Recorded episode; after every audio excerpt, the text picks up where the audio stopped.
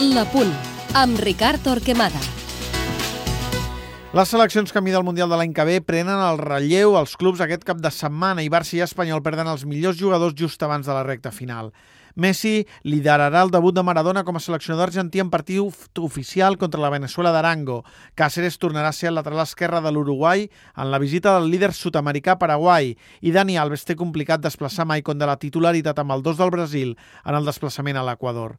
Pel que fa a la zona europea, Espanya sense Iniesta i Puyol, però segurament amb Xavi, mentre Piqué i Busquets esperen minuts, vol consolidar el lideratge del grup contra el seu perseguidor, Turquia. En canvi, França ja no pot fallar més després de dues ensopegades si vol estar a Sud-àfrica. Sense la companyia de Vidal, Henry es trobarà amb Ribery per jugar al camp d'una de les sorpreses europees, Lituània.